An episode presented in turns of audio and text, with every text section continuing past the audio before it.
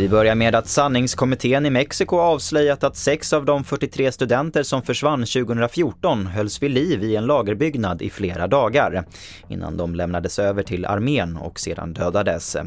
Enligt landets biträdande inrikesminister gav en lokal överste order om att studenterna, som var på väg till en demonstration i Mexico City, skulle dödas.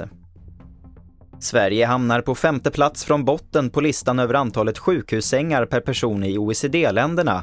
Det här rapporterar SVT. Totalt har vi 21 288 sängar och bara fyra av OECD-länderna har färre per person. Bland dem Mexiko, Costa Rica, Colombia och Chile. Till sist kan vi berätta att FN inte lyckas enas om ett avtal för att skydda miljön i världshaven. Vi hör styrelseordförande för Stockholm Environment Institute, Isabella Lövin, om vikten av ett nytt avtal. Ja, det är oerhört viktigt. Eh, världshaven är vår stora sista allmänning som ägs av hela mänskligheten tillsammans.